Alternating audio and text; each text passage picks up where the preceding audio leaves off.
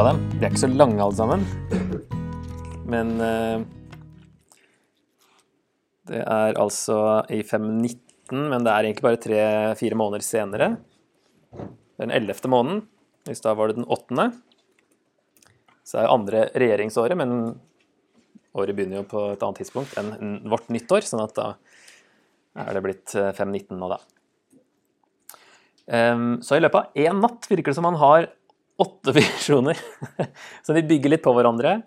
Eh, og det som er interessant, er at det ser ut til å ha en sånn eh, såkalt kiasmestruktur. ABCDDCBA. Fordi eh, i den første og den siste så er det hester og vogner og sånt, og forskjellige farger. Og fokuset er universelt. I den, eh, de to B-ene, altså nummer to og nest sist, så er de todelt. Det er, eh, først så ser han noen horn, og så ser han noen smeder i den andre, og i den sjuende så ser han først en kvinne i en kurv, eller i en sånn krukke, og etterpå at hun blir båret bort, eller sendt bort til, eh, til Babylon. Og så er det et eh, internasjonalt fokus. Det er ikke helt universelt, men det er internasjonalt, i hvert fall for Babylon er med, og nasjonene er med, nasjonene som har spredt folket da, i den nummer to. Og så nummer tre og nummer eh, seks, så er det et nasjonalt fokus, og det handler om måling. Det er noen sånne tydelige paralleller i hvert fall, som gjør at det ser ut som en sånn, en sånn kiasme, en sånn X-struktur, som vi har kalt det på norsk. Eh, folket gjeninnsatt i landet i den tredje, og en flyvende bokrull i den sjette. Men at det handler om det samme, da. Og så har vi da sentrum, som er det viktigste i en sånn struktur. Det er Josva i den fjerde og Srubabel i den femte. Her handler det om ekte personer, og det er et tydelig messiansk eh, fokus, og hva det peker fram på. At både Josva og Srubabel Srubabel peker fram på Jesus. Så hva vet vi om sånne X-strukturer og sentrumet, hvis ikke jeg allerede sa det i stad? Er sentrumet viktig, eller er det ikke viktig? Ja, det, det er det viktigste. Um, og det er ikke så rart vi kommer hit og ser at her Oi, dette var kanskje ekstra spennende, det som sies og gjøres der. Den er litt lang, den er faktisk den første, da, eh, ut kapittel 1. Eh, sånn at eh, ja, han ser en mann på en rød hest. Bak ham var det røde, rødbrune og hvite hester. Og her får vi litt sånn Jeg tar meg sjøl i å, tenke, eller å stille andre spørsmål da, enn det Zakaria gjør. Og det syns jeg røper litt av forskjellen på østlig og vestlig tanke. Fordi um, Ja, her spør han for så vidt hva er dette, det ville jeg spurt òg. men, men i det neste, når de her hornene og smedene kommer, det er i kapittel to, det. Så sier han uh, I to-tre står det Så viste Herren meg fire smeder. Jeg sa hva er det de er kommet for å gjøre? Jeg, liksom, jeg ville først spurt hvem er de? hva er greia med de her, liksom? Hva representerer de? Men at eh, det er en grei ting å, bare være obs på, da. Og spesielt kanskje i den litteraturen her. At eh, eh, de er mer opptatt av funksjon, det praktiske, enn eh, form, som det heter da. Funksjon og form, to forskjellige. Det som er litt interessant, da, er at det ofte er sånn derre komplisert bilde, og så er forklaringen bare én setning. Så det sånn Å ja, det var jo veldig lett. Istedenfor at vi driver og skal tolke hva er den fargen, og hva er den hesten, og hva er det treet. Det er tydeligvis ikke meninga. Alt kan oppsummeres i at uh, dette er de som Herren har sendt for at de skal dra omkring på jorden. Ok, og så forklarer han litt mer om det, da, hva det vil si at jorden ligger i ro. Så sier en engel her i vers 12 Herre over herskarene, hvor lenge vil det vare før du viser barmhjertighet mot Jerusalem og byene i Juda, som du har vært harm på i disse 70 årene? Og Herren svarte engelen som talte med meg, med gode og trøstende ord. Så et positivt svar, selv om det ikke da kommer tydelig fram akkurat der hva det er for noe. Og så eh, sier engelen som talte med meg, rop ut. Og så kommer det et eh, oppløftende, positivt budskap, da. Så sier Herren over herskarene, jeg er full av lidenskap for Jerusalem og Sion, stor er min harme mot de selvgode folkeslagene. For jeg var bare litt harm, men de hjalp ulykken fram. Derfor sier Herren, jeg vender tilbake til Jerusalem med barmhjertighet. Der skal mitt hus bygges, sier Herren over herskarene, og målesnor strekkes ut over Jerusalem. Rop ut enda en gang. Så sier Herren over herskarene, enda en gang skal byene mine flyte over av det som godt er. Enda en gang skal Herren trøste Sion, velge ut Jerusalem. Enda en gang. Det er altså et gjentatt uttrykk. Enda en gang. Så er det en ny start her. Så han Dareios, da, kongen, hadde jo da slått ned som sagt 19 opprør i årene før. Han slo ikke ned Egypt før 519, så kanskje Judea, eller Juda, lurte på hva det betydde for dem, siden de lå på veien til Egypt. Han hadde ikke vært der ennå. Um, og så er um, budskapet her at hele jorden ligger i ro. De herre som har dratt omkring på jorden, de kommer tilbake og sier vi har dratt omkring på jorden, og se, hele jorden ligger i ro. Og så er det et visst sånn ordspill med, i vers 15, de selvgode folkeslagene. Det er jo også egentlig de rolige folkeslagene, men uh, brukes Det er ikke akkurat samme ordet, men uh, det kan brukes som selvsikker og selvgod, da, hvis man er rolig. Det er en parallell i Salme 123 til det å være hovmodig og stolt. Så jorda ligger i ro, men folkeslagene er rolige fordi de er stolte, og det er jo noe som da Gud Nå har liksom hans vrede retta seg mot eh, disse nasjonene, ser det ut som, og det kommer jo eh, i neste synet også. Ok, så For å summere opp budskapet Jeg har prøvd å summere opp eh, i én setning da, eh, disse visjonene her. Budskapet ser ut til å være nå etter eksilet er ikke Guds vrede rettet mot hans folk lenger, som det står i noen vers her, men mot folkeslagene som gikk for langt i å utføre hans dom. Jeg var bare litt harm, sier han, men de hjalp ulykken fram. Det er fredelig og derfor trygt å fortsette byggingen av hans hus. Nå som det er ro over hele jorda, trenger ikke å frykte at uh, Dareios den store eller perserne kommer til å gjøre noe mot dem når de skal bygge. Og så har jeg prøvd å lage sånne Jesus-linker hele veien da, i disse synene her. Noen er jo litt uh, mer generelle enn andre. Som, den her er kanskje litt mer sånn uh, generell. At uh, pga. Uh, Jesus er Guds vrede aldri rettet mot oss heller. Og så vers fra Johannes 3, 18. Den som tror på ham, blir ikke dømt. Den som ikke tror, er allerede dømt, fordi han ikke har trodd på Guds enbårne sønns navn. Det er noe av det samme som bildet her sier, at Guds folk, uh, Guds vrede er ikke retta mot Guds folk, men mot de som er i opprør mot Gud. Og det er jo de som ikke tror, som Jesus sier allerede er dømt. Dommen har liksom Hvis ikke de vender om, da, så vil dommen til slutt nå dem. Ja, det var første syn. Skal vi gå til andre syn? Bare fire vers. Eh, her er da internasjonalt fokus, og det er todelt visjon. Jeg løftet øynene, jeg så og se. Fire horn hver gang jeg skal prøve å finne liksom, Hvis du googler de her synene, så får du så, alltid så groteske bilder. Når folk prøver å lage bilder av de synene her, og enda verre blir det i hans åpenbaring. Så jeg har da prøver å ikke ha for mange forsøk på å beskrive de synene, for jeg har nevnt før at jeg tror ikke det er meninga at vi skal se for oss synet så detaljert. Men her er det altså eh, fire horn. På en eller annen måte ser han det. Da sa jeg til engelen som talte med meg, hva er dette? Og han svarte, dette er de hornene som har spredt Juda, Israel og Jerusalem. Så viste Herren meg fire smeder. Jeg sa, hva er det de kommer for å gjøre? Han svarte, dette er hornene som spredte Juda så ingen kunne løfte hodet, men nå er disse kommet for å sette skrekk i dem. Disse smedene, da. De skal slå til jorden hornene på de folkeslagene som løftet horn mot Juda og spredte det. Ok. Det her er greit sånn oppvarming til Johans åpenbaring, da disse tingene her, og tall og opplegg. Så fire virker som å være himmelretningene her, som det står i også vers 10. Jeg har spredt dere for himmelens fire vinder. Det, er, det, vet vi jo, at det er fire. Um, her er det at de har blitt um, spredt. Og da sies det jo mange andre steder at uh, de ble spredt Ja, det står lenger ned. De skal, uh, ja, det står bare uh, folkeslagene som spredte det. Men de er liksom spredt overalt, virker det som. Um, og det er jo mm. Ja, det er mulig at det er fire hester da, i det første synet, for det står en rød hest. Men så står det bak ham var det røde, rødbrune og hvite hester. I hvert fall så er det fire farger da, som nevnes. Om det ikke var fire hester. Fire farger.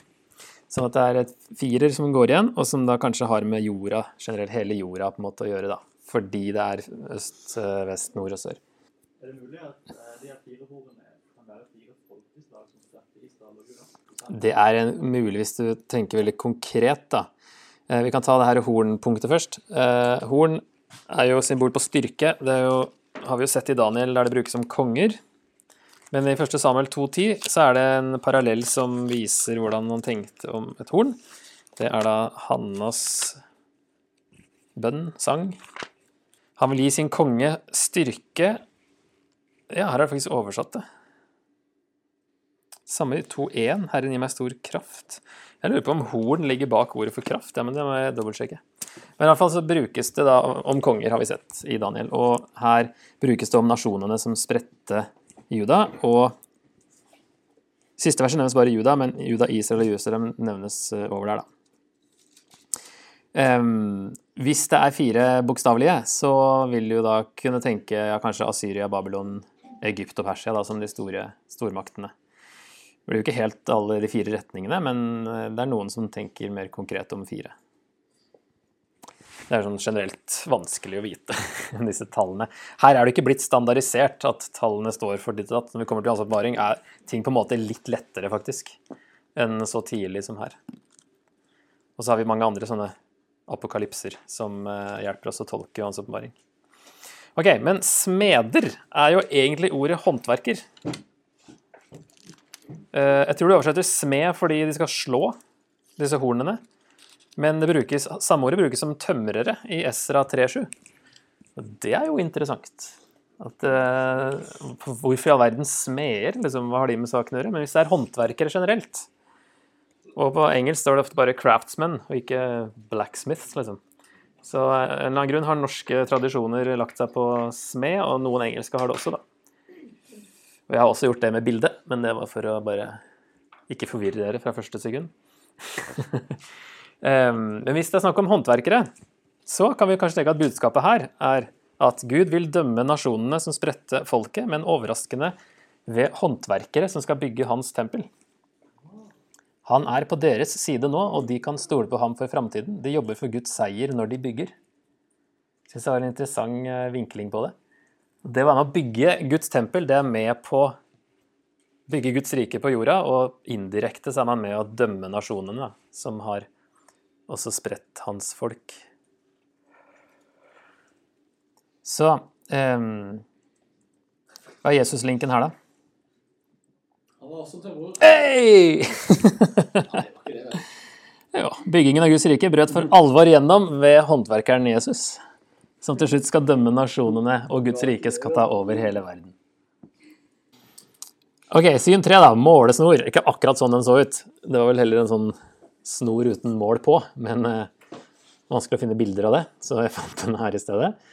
Da er fokuset blitt nasjonalt, så vi zoomer liksom inn på Israel, og det har med måling å gjøre da, i denne her. Og her eh, starter likt, da. Jeg løftet øynene, jeg så og se. En mann med målesnor i hånden. Jeg sa, hvor går du hen? Er ikke det litt overraskende spørsmål? Hvor går du hen? Kanskje han var på vei et eller annet sted da, i visjonen. Derfor er det naturlig å spørre hvor går du? Men eh, ja, ja, kanskje det. Hva skal du, liksom? Hvor går du hen? Han svarte, jeg skal måle opp Jerusalem og se hvor bred og hvor lang byen skal være. Og se, engelen som talte med meg, gikk fram, og en annen engel gikk ham i møte og sa, løp bort og si til den unge mannen der, Jerusalem skal ligge uten murer, så mye folk og buskap skal det være i byen. Jeg selv skal være en ildmur rundt byen, sier Herren, jeg skal vise min herlighet der inne. Ok? Her får vi som et glimt av målet, virker det som, at Jerusalem skal bli større enn de tror. Og Gud selv vil være muren, og han skal vise sin herlighet i byen og ta bolig der. Og at de skal vokse seg utenfor murene, egentlig. Så stor. Skal ligge uten eller ja, uten murer i det hele tatt. Så mye folk og budskap skal det være i byen, og det virker som det er fordi det er så mye da, at det går utafor muren, og så er det ikke mur. Bygges ikke en ny mur lenger ut.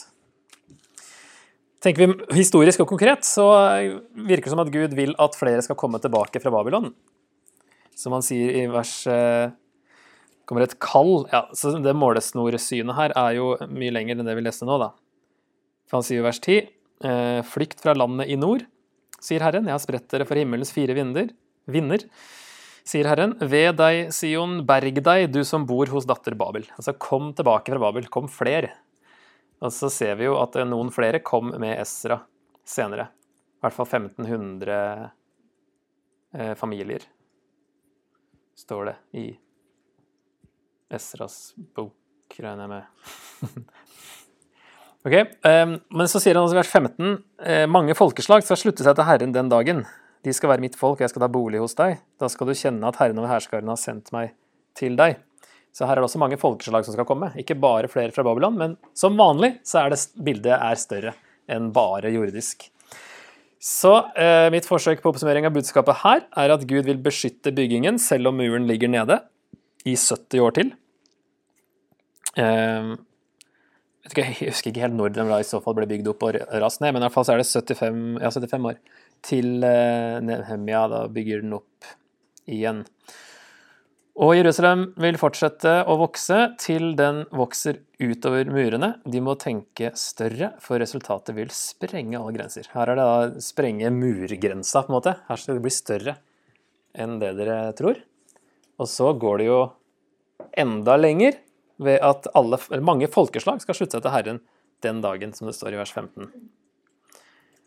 Så her er liksom eh, link til Jesus her, at eh, Gud ønsker at mennesker fra alle folkeslag skal komme ut av Babylon, som blir et bilde på verden i opprør mot Gud, som vi ser i hvordan Paulus i 2. Korinterbrev siterer Jesaja 52, når det står 'Kom ut av henne, mitt folk'. Kom ut av Babylon. ikke sant? Jesaja 52 er jo om utgangen fra Babylon. Paulus bruker det om helliggjørelse i 2. Korinter 6. Kom ut av verden. Kom ut av den opprørske verden. Eh, ikke rør noe urent, står det da videre. Eh, ja, bli kvitt verdens innflytelse på dere. Så kom ut av Babylon til et Jerusalem uten murer, som vi husker fra Esekiel 38 var et sånt overraskende bilde der. At der skal de bo fredelig uten murer. Noe de jo aldri har gjort. Som virker som at det er et endetidsbilde på hvor fredelig det kommer til å bli og som ligner på bildet i Åpenbaringen 21-25, med at uh, det er åpne porter. Der, der, er det murer, men portene er alltid åpne, så du kan gå inn og ut hele tida. Det er også uvanlig. Men det er et bilde på fred, det òg, da. Og det har vært uh, Guds plan med Jesus helt fra 1. Mosebok 12.3. Tydelig der, da. Han har hatt planen lenger enn det også, men uh, tydelig der med alle folkeslag. Og at de skal strømme, da, som det står i Jesaja 2, til Herrens tempelberg og å strømme til Messias, som står som et banner i Jesaja 11. Så det er mye av det her som For her er det så mye sånne Det er på en måte tre tolkninger på veldig mye i denne boka her. Men såkalt typologi er jo en sånn fin uh, middelvei som redder det meste. At vi kan tenke at det er en uh, konkret jordisk, og så er det og så er det en eh, Så sprenger det likevel de grensene, så at det peker fram på Jesus på en eller annen måte, og da blir det liksom enda større. Da får vi en åndelig framtidig. Så vil jo noen også se en fysisk framtidig fra oss, da, med ting som skal skje i Midtøsten og sånne ting. Um, mot slutten av boka spesielt. Jeg tror jeg skal reservere meg mot for mye spekulasjoner der. Men uh, vi får se. Jeg har ikke helt kommet i mål med de siste kapitlene til i morgen. Men eh, det er på en måte de tre, da. Jordisk, at det har skjedd med tilbakekomsten. Framtidig jordisk, et eller annet i Midtøsten. Eller messiansk, da. Så kan i hvert fall eh, historisk eh, Babylon-tid og Messias framtid kan fint kombineres i en typologisk tolkning, med at det peker fram på Jesus. Det er en fin redning. Så kan man eh, mene begge deler. Var det en hånd som forsvant?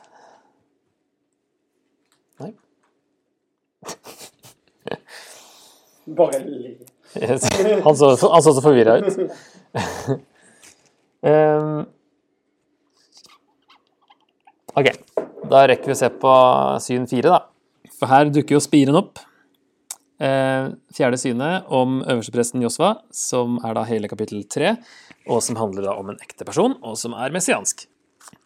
Her er eh, Han viste meg øverstepresten Josva, som sto foran Herrens engel, mens Satan sto på hans høyre side for å anklage ham. Men det som står her egentlig, på hebraisk, er det at uh, enten da Satan sto på hans høyre side for å satanisere ham, eller at uh, anklageren sto der for å anklage ham, for det er det ordet betyr. Det kan vi jo si. Og så brukes det med bestemt artikkel. De få gangene det dukker opp i Gammeltestamentet, det er jo her, og det er i Jobbs bok 1 og 2, og så er det, der er det bestemt artikkel i begge de to, sånn at da tenker man det er mer en tittel, anklageren, sånn som de faktisk har gått over til å, å bruke i jobb. Der bruker de ikke Satan lenger i denne oversettelsen her, men der står det 'anklageren' med stor A. Og ser for seg en sånn del av Guds eh, kongelige hoff som har fått en sånn herre aktorrolle, eller en sånn som skal komme med kritiske innvendinger mot Guds plan, og eh, anklage folk, da. Det, Og djevel er jo det greske ordet for uh, Satan. Det er jo en baktaler, diabolos en baktaler som anklager, og det går til samme betydning. Så ingen av det altså Det blir på en måte navnet til Satan eh, en gang mellom eh, Gamle og Nytestamentet. Og det er det som er så fascinerende, for han er jo overalt i Nytestamentet, i hvert fall veldig mye mer enn Ja, den siste gangen i, i GT er i eh, første krønikebok 21. Når det står at Satan eh, egger, opp, oppvigler David til å telle soldatene sine står det interessant nok i samarbeidsbøkene at det er Gud som gjør det, mens i krønikebøkene står det Satan gjør det. Der brukes det ikke med bestemt artikkel, og der kan man si det kanskje brukes som et navn. Da, og da er vi liksom helt på slutten av GT-historien, da, i det som skrives. Men så er det fri fantasi i mellomtestamentlig litteratur, der de finner på veldig mye, og masse, masse navn på Satan, som òg brukes i Nytestamentet. Belsebub og Belsebull og Beliar og Belial og sånne ting. Som alt liksom handler om Satan, egentlig. Men det, så er ikke før i Hans åpenbaring at det som sagt da kobles sammen med slangen i Edens hage. Og at slangen, Den gamle slangen og dragen det er på en måte litt samme type dyr, liksom, så de kobles kanskje lettere sammen av den grunn. Og de begge, dragen i Hans åpenbaring, er Satan. Men det er liksom ikke før der at det tydelig sies. Og så er det liksom interessant. Hvorfor er det så li, lite Satan i GT? Og hvorfor er han så mye mer kontrollerbar i GT? Han er liksom under Gud, og Gud sier akkurat hva han skal gjøre og ikke gjøre. Så et, det, uh, her er jo virkelig ikke poenget Satan i denne, dette synet. Så det skal vi nå ikke bry oss så mye om. Men det han gjør, han står og anklager Josva. Herren sa til Satan, Herren refser deg, Satan. Herren som har utvalgt Jerusalem, refser deg. Sannelig, denne mannen er som et vedtre raket ut av ilden. Kanskje sånn derre så vidt overlevd bilde. Altså at eh, presteskapet har nesten gått under, hele nasjonen gikk nesten under. De har liksom så vidt blitt redda ut av ilden. Eh, og nå skal ikke du anklage han. Og så skjer det interessante her at Josva var kledd i skitne klær der han sto, der han sto foran engelen. Engelen tok til orde og sa til dem som sto foran ham, ta av ham de skitne klærne. Til Josva sa han, se, jeg tar bort din skyld og kler deg i festklær. Da sa jeg, sett en ren turban på hodet hans. ble Zakaria ivrig her. Han må ha en ren turban. De satte den rene turbanen på hodet hans og tok på ham klærne mens Herrens engel sto der. Så ga Herrens engel Josva dette løftet. Så sier Herren over herskarene, går du på mine veier og tar deg av tjenesten for meg, skal du få styre mitt hus og vokte mine forgårder. Jeg gir deg adgang blant dem som står her. Øverstepresten, da, som skal få en spesiell adgang. Så hør, Josva øversteprest, du og de andre prestene som sitter foran deg, er et varsel. For se, jeg lar min tjener Spire komme. Se, jeg risser en innskrift på den steinen jeg har lagt foran Josva.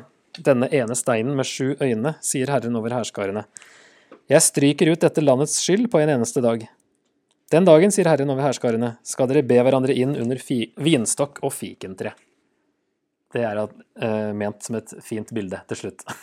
Å sitte under vinstokken og fikentreet, da har du et godt liv og uh, slapper av. Uh, her er øverstepresten uren. Han har skitne klær, og det vil jo si at hele folket han representerer foran Gud, også er urene. Og så gjentas det for tredje gang at Gud igjen har utvalgt Jerusalem. Og i 1.16 så sies det jo Eller 1.16 og 17 sies det jo tre ganger dette enda en gang. Så det gjentas igjen her. Og så renses Josva ved Guds nåde her, som et symbol på at folket renses og presteskapet gjeninnsettes. Selv om han er skitten, og kanskje anklageren har rett i sine anklager, at han her er skitten, så sier Gud bare Vi refser deg. Herren refser deg, Satan. Du skal ikke komme med noen mer anklager her. Og så tar han bare og skifter klærne. Og som han sier da på en eneste dag Jeg stryker ut dette landets skyld på en eneste dag. Det virker som han gjør det der og da. Liksom, OK, nå er dere rene. Renser dere.